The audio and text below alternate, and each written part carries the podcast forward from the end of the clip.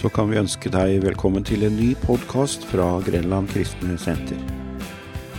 Vi skal eh, høre Sigurd Bylund tale, og det skjedde den 24. mars 2019. Et alvorlig tema som Sigurd tar for seg denne gang. Nysgjerrig? Ja, bare følg med, så får du høre.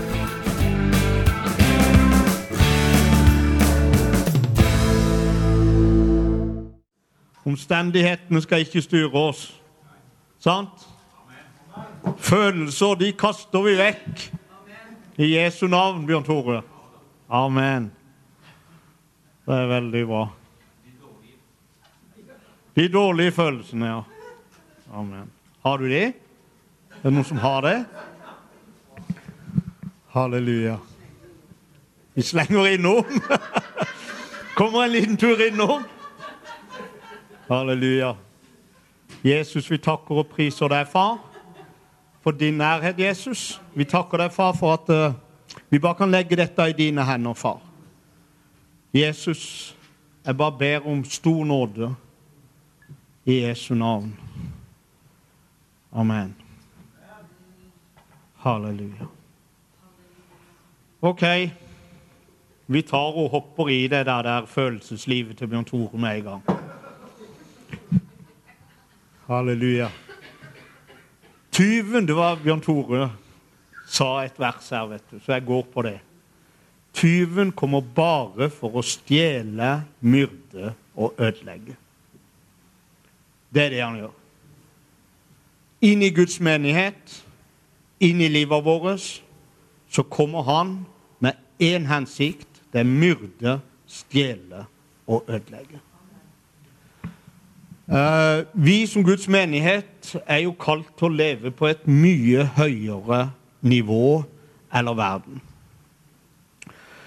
Uh, og vi står i en åndelig krig uh, mot ondskapens ånde her. Vi har ikke kamp mot kjøtt og blod. Vi har ikke kamp mot hverandre. Men vi har kamp i det himmelske, i himmelrommet, der hvor ondskapens ånde her opererer og påvirker menneskets sinn, tanker og handlinger. Det er det vi er. Og alle oss er under påvirkning av en eller annen åndsmakt. Amen. Den hellige ånd, djevelens ånd eller din egen ånd. Og det er sånn at uh, enten du liker det eller ikke, så er ikke du alltid inspirert av Den hellige ånd. Det er noen ganger at det kommer andre greier inn i livet vårt. At du, hver og en av oss kan være inn under andre autoriteter. Sånn er det bare. Og det er der djevelen kommer for å myrde, stjele, ødelegge, rive ifra hverandre. Livet vårt, menigheten vår. Så kommer han inn i sinn, i tanker. En åndsmakt som står bak handlinger og ord som vi utfører. sant? For det er sånn at uh, hvis ikke du er underlagt en legitim autoritet med livet ditt, så er du underlagt en ulegitim autoritet. Sånn er det bare.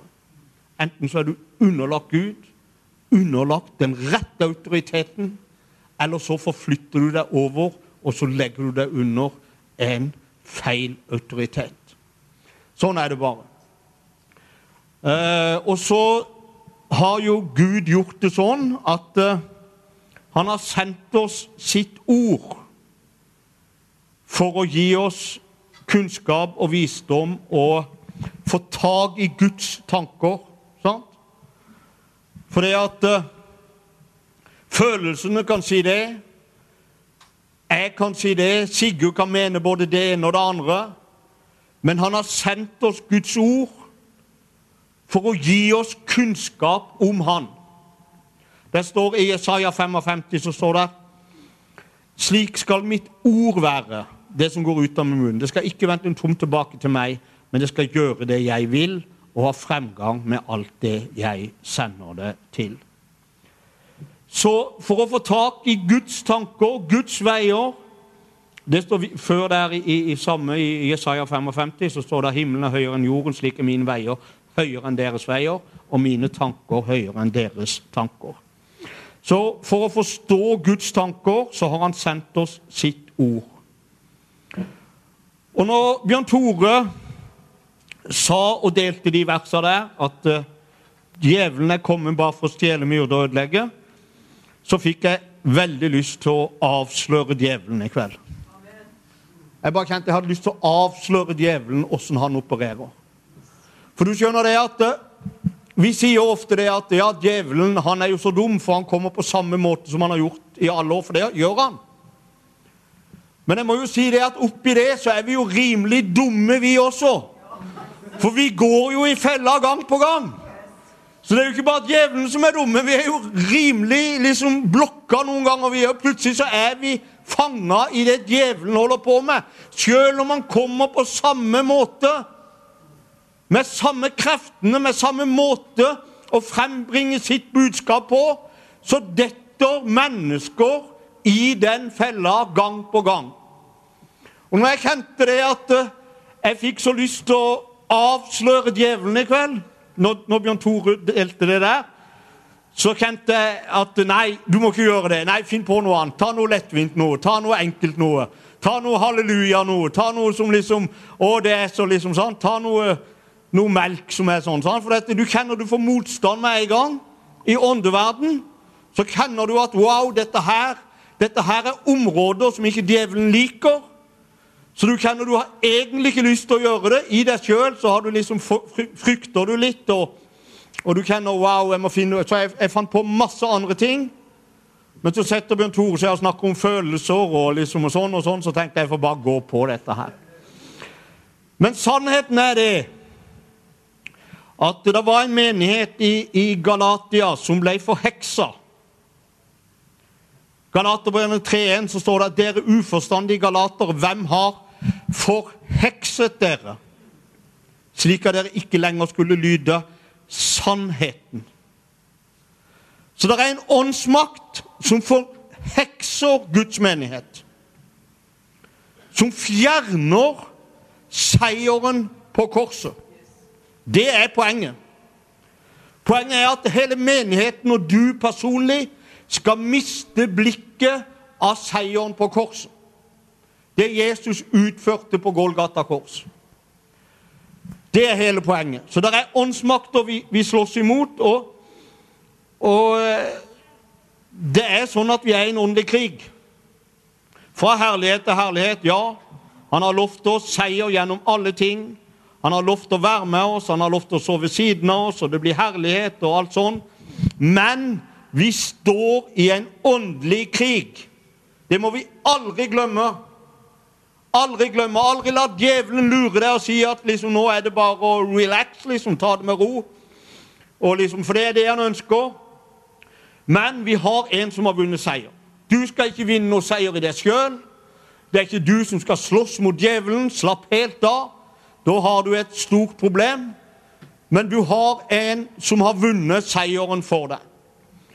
Men jeg skal begynne å gå tilbake til Jeg skal i Jesaja 14. Jeg skal begynne med det, for der står det om eh, Lucifer. Om djevelen. For han var en, en, en, en strålende stjerne, står det i Jesaja 14, 12 til 14. Så står det og du er falt ned fra himmelen, du strålende stjerne, morgensrødens sønn. Og hvor du er hogd ned til jorden, du som underkuet folkeslagene.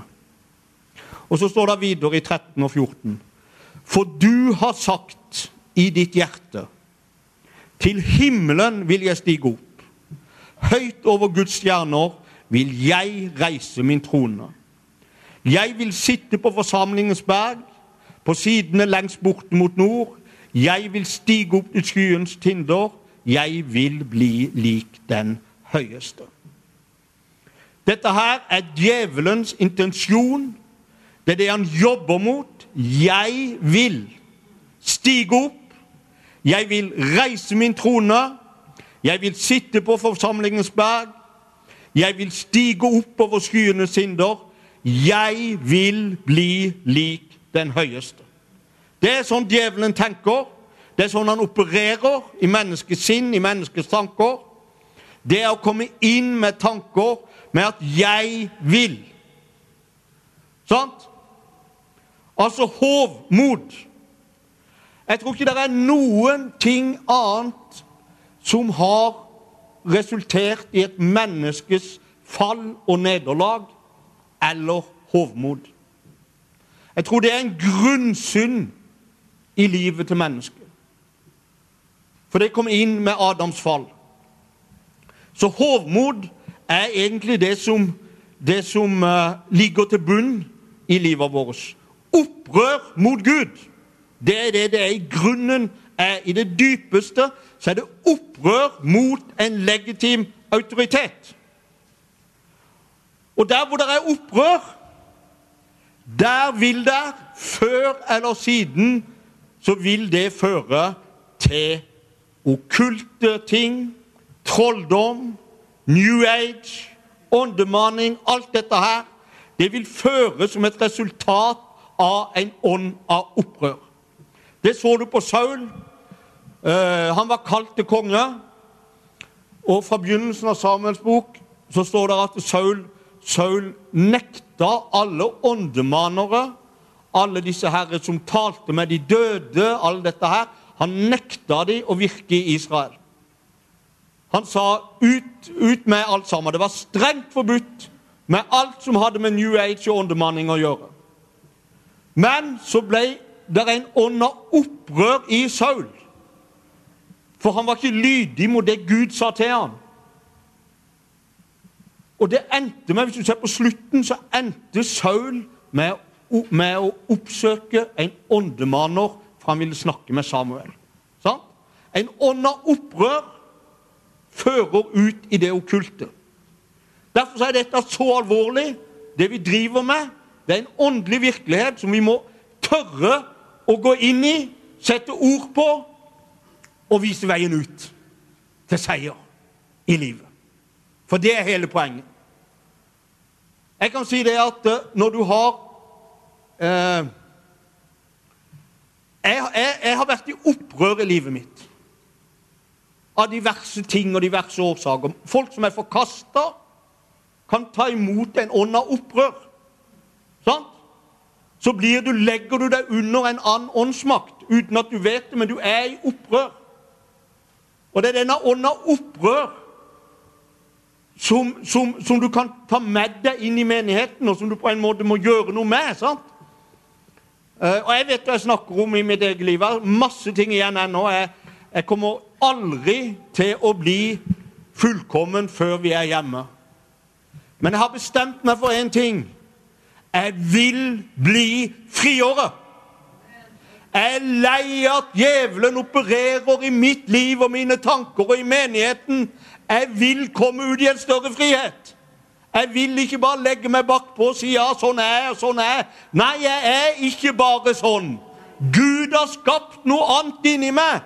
Han har vist meg noe nytt. Han har vist meg et eller annet. Sånn at jeg kan bli fri fra disse åndsmaktene. Og også ta et oppgjør med det inn i menighetene våre. For det er det som ødelegger og myrder og stjeler. Det er disse herre kreftene her. Vi skal gå videre. I, i ja, vers 15 så står det Men til dødsriket skal du føres ned, lengst ned i avgrunnens dyp. Eh, du skjønner det at eh, det er noen åndelige lover som du kan slåss imot hele livet hvis du orker. Men de står der like fast uansett. Og det er den som opphøyer seg selv, kommer til å bli kasta ned. Den som nedverdiger seg sjøl, blir løfta opp. Og det var nettopp det som skjedde med Lucifer. Jeg vil bli lik den høyeste. Men til avgrunnen og dødsriket skal du kastes ned. Derfor er stolthet, den ånd av stolthet, er den farligste ånd vi tar imot. I Esekiel 28 så står det Menneskesønn 12-13, eller 12-16 kan jeg lese. Eh, Menneskesønn, stem i en klagesang over Tyrus konge og si til ham. Så sier Herren Gud, du var seilet på det fullendte, full av visdom og fullkommen i skjønnhet. Du var i eden, Guds hage. Du dekket deg med alle slags edelstener, rubin, topas, diamant, berylim, onyx og jaspis. Det var mye vanskelige ord her. Safir, turkisk smaragd med gull. Håndverksarbeidet ble gjort i stand den dagen du ble skapt. Du var en salvet kjerub med dekkede vinger. Jeg har innsatt deg. Du var på Guds hellige berg. Du vandret blant glødende steiner. Du var fullkommen i din ferd fra den dagen du ble skapt, helt til det blir funnet misgjerning i deg. Ved den omfattende handelen ble du fylt med vold i ditt indre, og du syndet. Som vanhellig stengte jeg deg ute fra Guds berg. Jeg lot deg gå fortapt, du kjerub med dekkede vinger, fra å være blant de glødende steinene. Det som er interessant i det verset her, i, i, som jeg leste her, det er ved den omfattende handelen ble du fylt med vold i ditt indre, og du syndet. Det ordet handel er i grunnteksten et ord som betyr å være kramkar, utspre sladder, baktaler Populært kalt lobbyisme. Det var det som gjorde djevelen at han ble fylt med vold i sitt indre. Han gikk inn blant en tredjedel av englene, og så drev han med baktalelser, løgner om Gud. Nei, Gud, liksom, hvis dere tilber meg Gud er egentlig en sånn en som holder dere nede. Dere har et mye større potensial. Gud er sånn, og Gud er sånn. Baktalelse, løgn og sladder. Ved hjelp av den omfattende handelen, ved hjelp av den omfattende baktalelsene, løgnene, sladderen, lobbyisme, så ble du fylt med vold i ditt indre, står det. Det var det som gjorde at kongen at Tyrus, djevelen, Satan, Lucifer, ble fylt med vold i sitt indre. Ordspråkene 11.13.: Den som farer med sladder, avslører hemmeligheter, men den som har en trofast ånd, skjuler en sak. 2019 så står det ordspråkene. Den som farer med sladder, avslører hemmeligheter. Slå deg derfor ikke sammen med dem som er med en som er løsmunnet. Du skjønner, smiger og løgn og baktalelser er Lucifers måte å gjøre dette her på. Det djevelen ønsker fremfor alt, det er å få tilbedelse. For det at enten så tilber du Altså, du vil alltid tilbe noe i livet ditt. Alltid. For Gud har lagt det ned i menneskers hjerte en trang til å tilbe. Sånn er det bare. Et eller annet vil du tilbe. Og hva du tilber, det må du ta med Gud og deg sjøl. Men noe vil du tilbe, og det djevelen ønsker mest av alt, er at han vil ha den tilbedelsen som rettmessig tilhører Gud. Det er det han ønsker. Han ønsker tilbedelse framfor at vi tilber Gud. Derfor så kommer han inn med disse tinga her. Men til dødsriket skal du fare ned.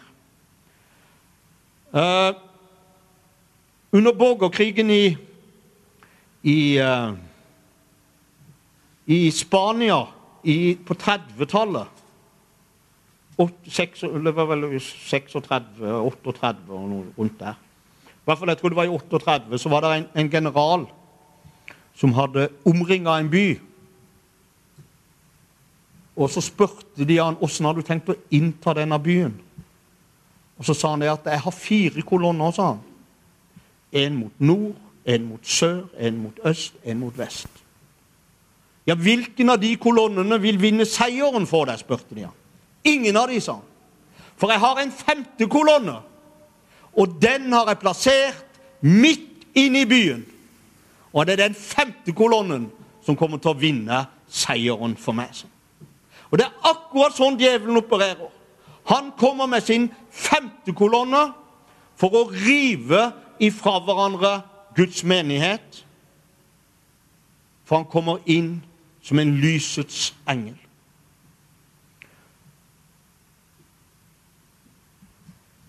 Så når djevelen var falt, så reiste Gud opp.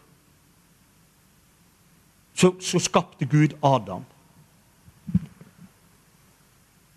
Og Adam ble skapt på en helt annen måte. For Guds svar på stolthet var ydmykhet. Så når Gud skapte Adam, så bøyde han seg ned. Guds tanker de er helt forskjellige fra våre tanker. Han bøyde seg ned og to ifra leira og skapte. Og så bøyde han seg enda lenger ned og blåste livets ånde inn i Adam. Den som fornedrer seg sjøl, skal bli opphøyet. Derfor er Jesus det stikk motsatte av Lucifer. For i Filipperne 2 så står det Han som fornedret seg selv og blir lydig like til døden, står det. Derfor har Gud opphøyet han og gitt han navn over alle navn. Ikke fordi han helbreda en haug med syke, ikke fordi han drev ut demoner. Han fikk ikke navn over alle navn pga. det. Men han fikk navnet over alle navn pga. at han var villig til å gå ned og ned og ned. Han gikk under alt. Han fornedret seg sjøl, og så ble han løfta opp. Så hvis du ønsker å bli løfta opp, så er det bare én vei. Og det er ned og ned og ned. For Gud står den stolte imot. Så alt som er i mitt hjerte av stolthet, avskyr Gud. Jeg kan ikke komme i nærheten av ham med stolthet i hjertet mitt. Han vil ikke ha noe med det å gjøre. Så enkelt er det. Kommer jeg med mitt, en, en ånd av stolthet og tror at jeg kan søke Gud gjennom det, så sier han jeg står det imot. Jeg vil ikke ha noe med det å gjøre, sier han. Men kommer du med et ydmykt hjerte, så står han der, åpen. Så derfor så er stolthet noe som ødelegger livet vårt, menigheten vår, Guds rikes fremgang, salvelsen, alt sammen. Det blir ødelagt av stolthet. Mange kan stå og si at uh, det er forferdelig all denne kriminaliteten og rusmisbruk og prostitusjon og alt sammen. Det er helt forferdelig. Men samtidig så unnskylder vi stolthet i eget liv, stolthet i menigheten, som egentlig er en opprørsånd imot Gud. Som egentlig er grunnleggende for alt fall. Jeg, bare, jeg må bare ta det altså Jeg får bare gjøre det. Jeg får bare hoppe i det før jeg går videre med Adam. For det at uh, i åpenbaringen Du skjønner det at disse kreftene disse åndskreftene som vi snakker om, eh, det er, de har en hensikt. Og det er manipulering. Det er eh, trusler. Det er å dominere. Og i Åpenbaringen 2 så står det eh, Åpenbaringen 2 fra vers 19 så står det jeg vet om dine gjerninger og din kjærlighet og din tjeneste, din tro og tålmodighet og dine siste gjerninger, som er flere enn de første. Men så står det Men jeg har imot deg at du tåler kvinnen Jesrabel. Hun som sier hun er profetinne, som lærer og forfører mine tjenere til å drive hor etter avgudsoffer. Jeg ga henne tid til å omvende seg, men hun ville ikke omvende seg fra sitt horeliv. Se, jeg kaster henne på sykeseng, og de som driver hor med henne, skal komme i stor trengsel hvis de ikke omvender seg fra hennes gjerninger. Dette her er veldig, veldig, veldig tøffe ord. Og uh, igjen, det er åndsmakter vi har med å gjøre. Men det er åndsmakter som det står i Guds ord, at han befinner seg, denne åndsmakten befinner seg midt inne i Guds menighet. Jesebels ånd befinner seg midt inne i Guds menighet, som driver hor, både seksuelt hor, åndelig hor, som forfører, som lærer falske doktriner, som kommer inn, avgudsoffer.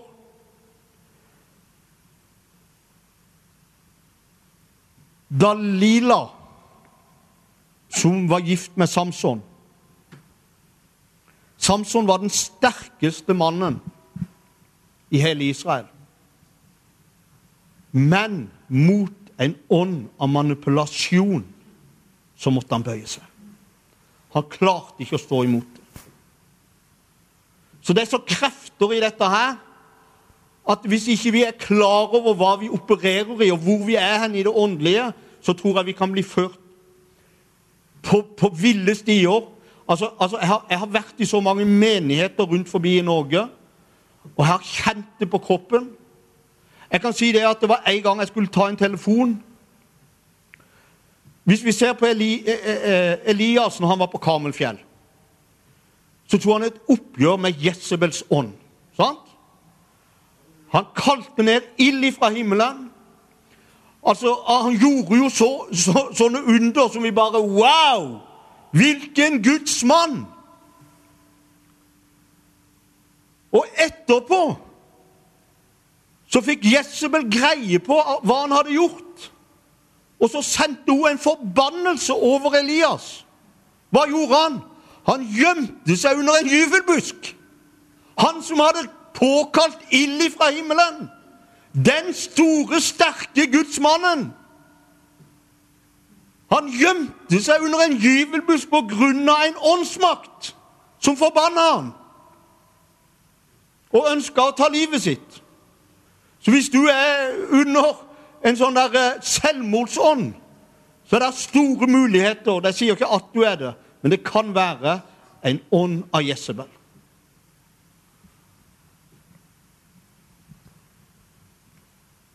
Jesus, nå datt det helt vekk deg. Jesus, jeg bare ber, far om nåde, far. Jeg ber om deg, Jesus. Halleluja. Kiria santonia, kiria sant. Halleluja. Jesabels ånd, den åndsmakten som Dalila, som var en sånn åndsmakt som truer, manipulerer og lyver, de har én hensikt å ta livet av Guds salvede.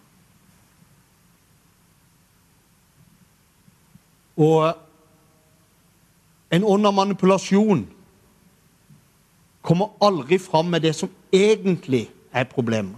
Sant? Det kommer aldri egentlig fram, men det kommer, an, kommer bakveier. Så du får aldri tatt tak i røttene. Eh, hvis du kjenner frykt, ordentlig frykt Jeg kan si det til Bjørn Tore, da, som står i ledelsen her. Men jeg kan si det til hele menigheten. Uh, men nå tar jeg bare Bjørn Tore. For, for det, dette har jeg opplevd så på kroppen sjøl, det jeg forteller nå. Så derfor så vet jeg det er sant. Hvis det er ting som du kjenner du må ta et oppgjør med Hvis, hvis ting skjer i framtida, eller har skjedd Jeg kjenner ikke historien, jeg vet ikke, men hvis det har vært, og du kjenner frykt, ordentlig frykt, så er det mest sannsynlig en ånd av Jesebel. Jeg skulle ta en telefon for noen, noen, en stund siden. Som jeg var tvungen til å ta. Og det er helt sant, jeg la på sikkert fire-fem ganger. Jeg kjente jeg ble kvelt hver gang jeg skulle ta den telefonen og snakke med den personen. Jeg kjente frykten tok meg så det, det, var helt sånn, det ble helt sånn ah! Men når jeg gjorde det, og når jeg hadde gjort det Det var så vidt jeg fikk ut orda som jeg skulle si. Det var så vidt jeg klarte å si og sette grenser og si 'dette går'. Det var så vidt jeg, jeg kjente jeg ble helt sånn. Men når jeg hadde gjort det, så var det akkurat som en åpen himmel over meg. Jeg bare kjente at nå har du tatt et oppgjør. Jeg visste at det var en ånd av Jesabel. Jeg visste at dette var noe som skjedde i åndeverden. For jeg kjente at jeg bare ble Jeg kunne puste. Jeg kunne snakke. Så disse åndskreftene her Det er ikke noe vi skal bare liksom, liksom gjøre Ja, ja, det er, det, er, det er alvorlige ting vi er inne på. Det er kanskje derfor jeg glemmer det jeg egentlig skal si når jeg står her. Det, men uansett, det er alvorlige ting, det vi er inne på. Uh, så, når vi snakker om disse tingene her, så må vi være klar over at uh, ondskapens ånde her i himmelrommet, altså over oss her, det påvirker menneskers tanker og handlinger. Så hvis jeg går fram til Bjørn Tore og spiller et skuespill for han for at jeg skal få min vilje, så er det en ånd av manipulasjon. Det er en Jesabels ånd. Jeg har egentlig en baktanke med det. Vi så på, på, på Herodes når han sendte ut disse tre vise menn. Hva var det han sa til dem? Finn han der Jesus, sånn at jeg også kan tilbe han. Det var en løgn. Det han ville, var å ta livet av han. Så han manipulerte for å finne ut hvor Jesus er, og akkurat sånn er han. Denne åndsmakten. Hensikten er å ta livet av salvelsen. Hensikten er å rive i stykker Guds menighet. Men han kommer som en lysets engel, og så sier han nei, det er ikke de jeg har egentlig som vil jeg være med og tilbe. Men alt i hjertet er egentlig en manipulasjon. Derfor så trenger vi åndelig visdom, åndelig kunnskap. Vi trenger gaven til å prøve ånder, sånn at vi kan avsløre disse kreftene. For de kommer for å stjele, myrde og ødelegge. Det er derfor de kommer. Så Herre, fri oss ut ifra dette. Uh, jeg tenkte litt på, på, på Paulus òg når du snakker om åndsmakter. Ved gaven til å prøve ånder. Én en ting er når de, når de, blir åpenbart direkte, men jeg tenkte på, på Paulus når han, når han, gikk i, i, i Uh, I Apostelens gjerninger 16 så står det nå skjedde, 16-17, nå skjedde det da vi gikk til bønnen, at vi ble møtt med en slavepike som var besatt av en spådomsånd. Denne piken fulgte Paulus, fulgte Paulus og oss, og hun ropte og sa Disse menneskene er tjenere for den høyeste Gud. De forkynner oss frelsens vei. Og Jeg leste en plass at uh, at uh, hadde det kommet en sånn inn her, vet du, så hadde du blitt ansatt i menighetsrådet på livstid. Du vet, Hun sa jo sannheten.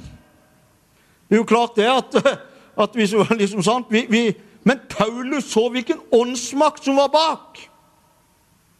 Sant? Han så at dette her var en spådomsånd. Så han hadde gaven til å prøve ånder. Klarer vi å avsløre det som egentlig ligger bak? Herre, gi oss den gaven til å prøve ånder. Og til det så trenger vi kunnskap, innvielse, overgivelse, hellighet, renhet innenfor Gud med livet vårt. Det er ingen annen vei til å, til å få tak i disse gavene her. Aldri om jeg kan få tak i gaven til å prøve ånder hvis jeg sitter og ser på søppelfilmer hele natta. Da kan ikke jeg stå opp og si 'nå har jeg fått gaven'. Nei, for da følger jeg meg med helt andre åndsmakter. Så er jeg sikkert gaven til å prøve diverse ånder, men det vet jeg jo aldri hva er for noe. Det er jo bare et sammensurium.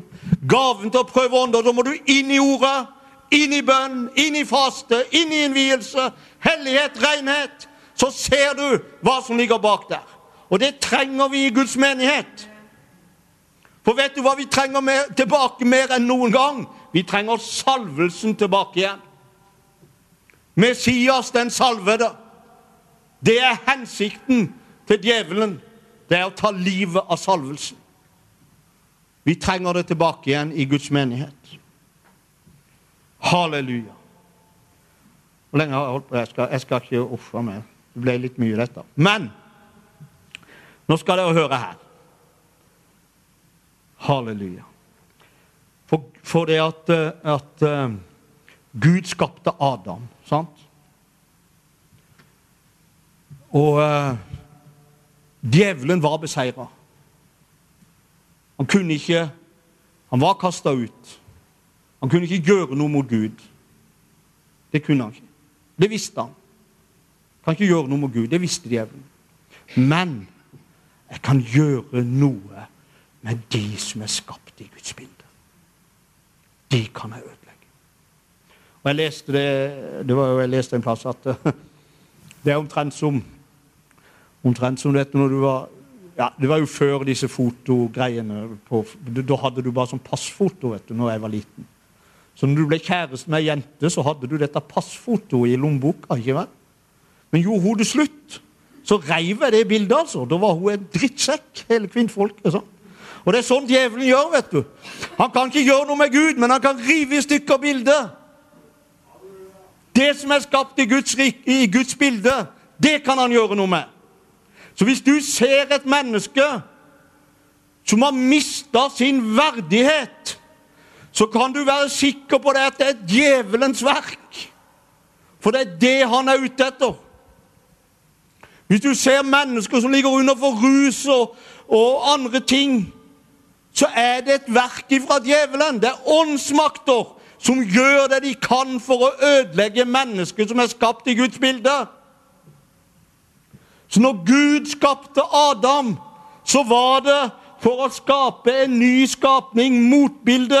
Og Adam tok djevelens plass.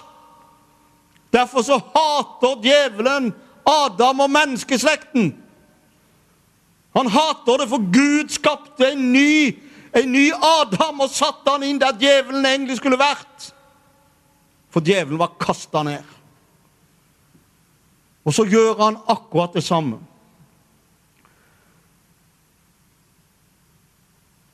Uh, jeg skal lese fra Første Mosebok 2. For, der står det at Og Gud Herren tok mennesket og satte ham i Edens hage for å dyrke og vokte den.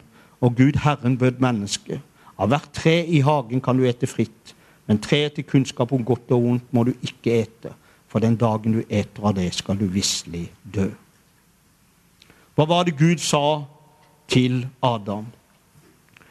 Han satte han i Edens hage for å dyrke og vokte den.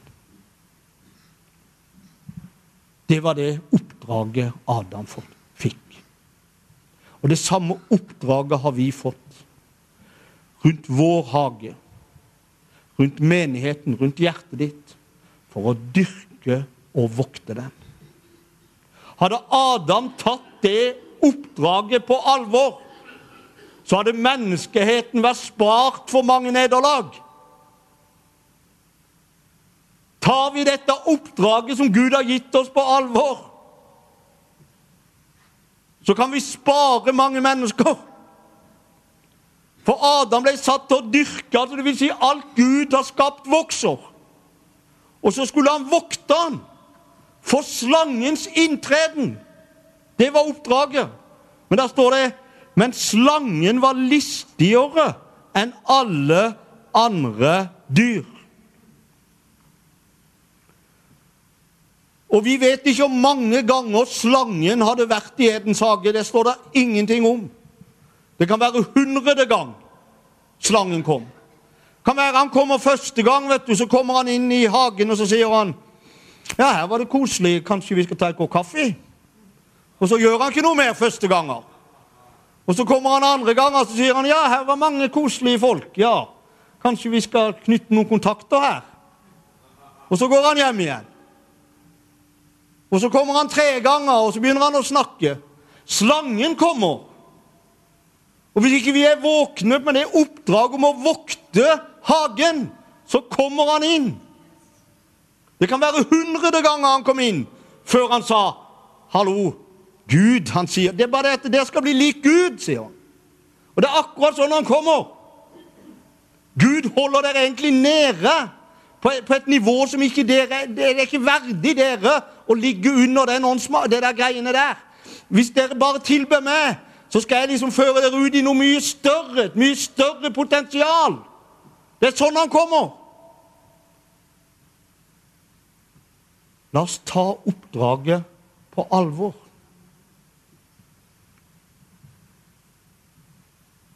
Og Det er mange som sier at det var Eva som falt, liksom. Nå skal vi ikke ha noe kjønnskamp her inne. Første Mosebok 1,6 så står det her Hun ga også sin mann, som var med henne, og han åt. Så Adam var til stede under hele fristelsen. Adam sto på sida og hørte åssen slangen kom, men han gjorde ingenting.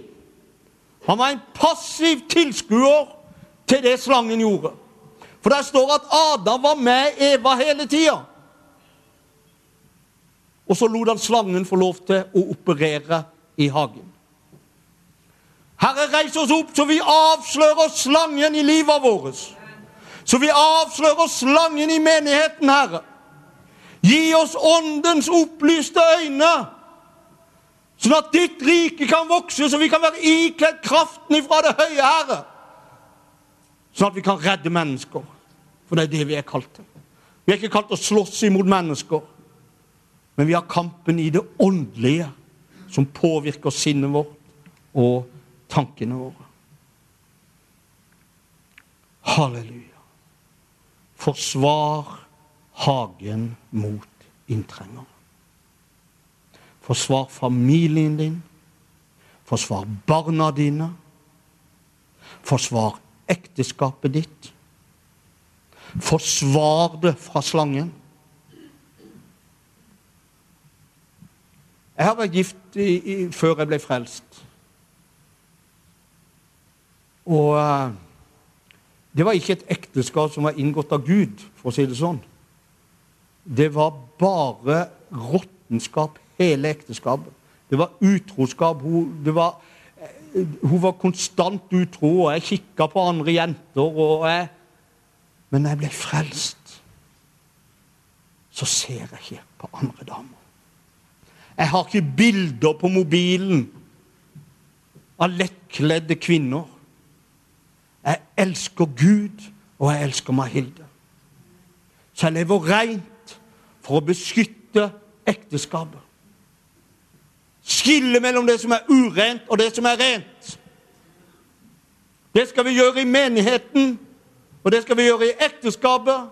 Det skal vi gjøre i familien vår. Vi er kalt til å leve på et høyere nivå. Vi er utfridd ifra denne onde verden og plassert i himmelen sammen med Han. Halleluja. Det er det vi er. Halleluja. Jesus. Jeg skal avslutte med å dele noen vers fra åpenbaringen. Jeg har lært meg det at jeg kan si jeg skal avslutte mange ganger, for dere har hørt alle de store predikantene. De sier jeg skal avslutte nå, og så holder de på en time etterpå. Så det, jeg har lært det, så det er veldig koselig. Halleluja. Åpenbaringen 12, 7-9. Nå skal dere få noen nøkler her, skjønner du, for du kan bli fri fra dette. Djevelen er beseira. Djevelen er beseira. Han kan aldri noensinne reise seg igjen etter Golgata. Aldri! Han er beseira. Det er vår oppgave å anvende den seieren som Jesus vant. Vi skal ikke slåss imot djevelen. Han er beseira. Det Jesus gjorde på Golgata, er godt nok for mitt liv til å jage ut alle andre åndsmakter. Jeg kan velge å underlegge meg den rette autoritet. Derfor er jeg helt avhengig i, i, min tjeneste Altså Når det gjelder tjeneste, bare for å sagt det, så tjenesten liksom, Det er mange som sier ja, tjenesten min, tjenesten min. Jeg har én tjeneste, og det er å tjene Gud og mennesker. Jeg har ikke noe annen tjeneste. Tjenesten din det er å stå og preke. Nei, det er det slett ikke. Tjenesten min er å tjene Gud og tjene mennesker og ære Han. Det er den eneste tjenesten jeg har. Så får resten komme ut ifra det. Det er tjenesten til hver eneste krist. Hvis du går rundt og lurer på hva slags tjeneste du har, så er du på villspor. For når du sa ja til Jesus, så fikk du en tjeneste i fødselsgave. Tjen Gud og tjen mennesker. Så slutt å leite etter tjeneste. Begynn å tjene Gud og tjene mennesker, og er Han. Gjennom det så vil Han forløse salvelse i livet ditt. Halleluja. Åpenbaringen 12, 7-9. Og det brøt ut krig i himmelen. Mikael og englene hans kjempet mot dragen. Og dragen og englene hans kjempet, men de fikk ikke overtaket. Det ble heller ikke funnet plass for dem i himmelen lenger. Så ble den store dragen kastet ut, den gamle slange. Han som kalles djevelen eller Satan. Han som forfører hele verden. Han ble kastet til jorden, og englene hans ble kastet ut sammen med ham. Så hørte jeg en røst i himmelen si, Halleluja. Frelsen og styrken og riket tilhører fra nå av vår Gud, og makten tilhører Hans Kristus. For anklageren blant brødrene våre, han som anklaget dem framfor Gud dag og natt, er kastet ned. Og de seiret over ham. Og de seiret over ham i kraft av lammets blod og i kraft av sitt vitnesbyrdsord. Og de hadde ikke sitt liv kjært like til døden. Vi har seiret over djevelen i kraft av lammets blod og det ord de vitnet. Halleluja. Så jeg har vunnet over djevelen når jeg vitner om hva Jesu blod gjør i mitt liv. Det er veien til seier i ditt liv. Vi har fått et blod som rant på Golgata. Og hva gjorde det for noe? I ham har vi forløsningen ved hans blod. Vi er kjøpt tilbake til Gud ved hans blod. Vi tilhører ikke lenger djevelens rike, men ved hans blod som rant på Golgata, så er du kjøpt tilbake til Gud. Halleluja. Vi har forløsning ved hans blod. Tilgivelse for overtredelser. Halleluja. Jeg syns det er fantastisk. Jeg fikk sånn en åpenbaring over det når jeg var i Ålesund for noen måneder siden. Og jeg kjente bare Jeg hoppa opp i stolen som jeg satt. Jeg måtte ringe til Mahilde og sa Halleluja, vet du noe, sa jeg? Jeg er kjøpt tilbake til Gud ved hans blod. Og jeg bare kjente Yes, jeg er fri! For Gud har kjøpt meg tilbake ved det blodet som rant på Golgata. Så når djevelen kommer, så kan jeg si jeg er kjøpt tilbake til Gud. Ved det blodet som rant, så har jeg tatt del i den seieren som Jesus vant på Golgata kors. Og så kan jeg underlegge meg en rett autoritet med livet mitt. Halleluja! Og når jeg står i tjeneste i Ålesund, så har jeg et lederskap over meg. For jeg må ha en autoritet over meg. Og jeg har Bjørn Tore som står der. Og jeg er avhengig av det i min tjeneste. Hvis ikke så setter jeg meg sjøl over alt andre og sier det er bare meg og Gud. Da er jeg et offer for djevelen og hans narrespill. La oss legge oss under en autoritet med livet vårt. Derfor knytter jeg til meg mennesker som jeg vil legge meg under og lytte til. Jeg er ikke alt jeg er enig, i, men jeg bøyer meg. For vi trenger en autoritet. Halleluja. Vi er kjøpt tilbake til Gud ved Hans blod. Halleluja. Vi er rettferdiggjort ved Hans blod.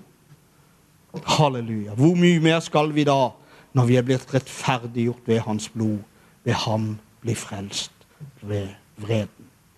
Vi er helliggjort ved Hans blod. Derfor har også Christ, Jesus Derfor led også Jesus utenfor porten, for at han kunne hellige folket med sitt eget blod. Halleluja. Jesu Kristi blod renser fra synd. Jesu Kristi blod setter deg i frihet i dag. Halleluja. Jesu Kristi blod rant på Golgata kors for å sette oss fri fra alle disse åndsmaktene som prøver å ta kontroll over sinn, våre tanker. Halleluja. Skal vi underlegge oss den eneste sanne, rette autoritet med livet vårt? Skal vi gjøre det som et fellesskap? Om du tilhører en annen menighet, eller hva du gjør, det bryr jeg meg ikke noe om. Det jeg bryr meg om, det er at du kommer deg inn under en autoritet som er fra himmelen, for å bli fri. Halleluja. La Jesu Kristi blod rense oss fra all synd, all urettferdighet. Halleluja. Så når jeg minner djevelen på blodet, så må han fly fra livet mitt. Så må han fly fra livet mitt. Halleluja. Vi takker deg, far. Jeg bare ber Jesus om at uh, dette her, far, det skal gå inn som en åpenbaring i hjertene våre, far. Jeg takker deg, far, for at du har vært nådig, Jesus. La oss avsløre djevelen og hans narrespill. La oss avsløre disse åndsmaktene. La oss komme oss under din autoritet, Herre. Jeg ber om det, far. Jeg ber om det, Herre. La oss komme oss under rett autoritet med livet vårt. Halleluja. Du er vår Herre, du er vår Mester. Du er vår Far. Halleluja. Nøkkelen er fellesskap med Gud. Fellesskap, fellesskap, fellesskap. Det er nøkkelen i livet ditt. Ikke bud, lover og regler, men fellesskap med Gud. La Den hellige ånd jobbe inni oss. Bøye oss under Guds ord. Så skal Han gjøre det. Ikke prøve å ta det sammen sjøl, men si, 'Herre, i dag gir jeg hjertet mitt til deg, Herre'. I dag gir jeg hjertet mitt til deg, Herre. Jeg underlegger meg deg, Herre. Halleluja. Jesus, Jesus. Kyrias Antonias, Kyrias Antonias. Halleluja. Skal vi ta og få litt musikk, eller noe sånt, og så kan vi ta forbønn? Du som kjenner du vil ha litt forbønn. Det kan være du ligger under krefter. Det kan være krefter styrer livet ditt. Det kan være ting som har skjedd i livet ditt som du ønsker å bli fri ifra. Jeg tror Gud kan sette deg fri her i dag. Det kan være det er ting jeg vet ikke. Det kan være Gud har talt til hjertet ditt. Kan være du er her inne og vil tilbake til Gud. Det kan være du vil bli frelst. Jeg kjenner ikke alle som er her inne. Men jeg vet at i kveld er kvelden som Gud kaller på ditt hjerte. Så eh, når de begynner å synge og spille, så kan, så kan vi reise oss, og så kan du komme fram. Vi ber for alle behov. Men jeg tror det er en salvelse her i dag til å løse det og sette deg fri fra disse kreftene som styrer livet vårt uten at vi vil, men, men uh, det skjer bare. Og Gud skal sette deg fri her i kveld. I Jesu navn. Amen.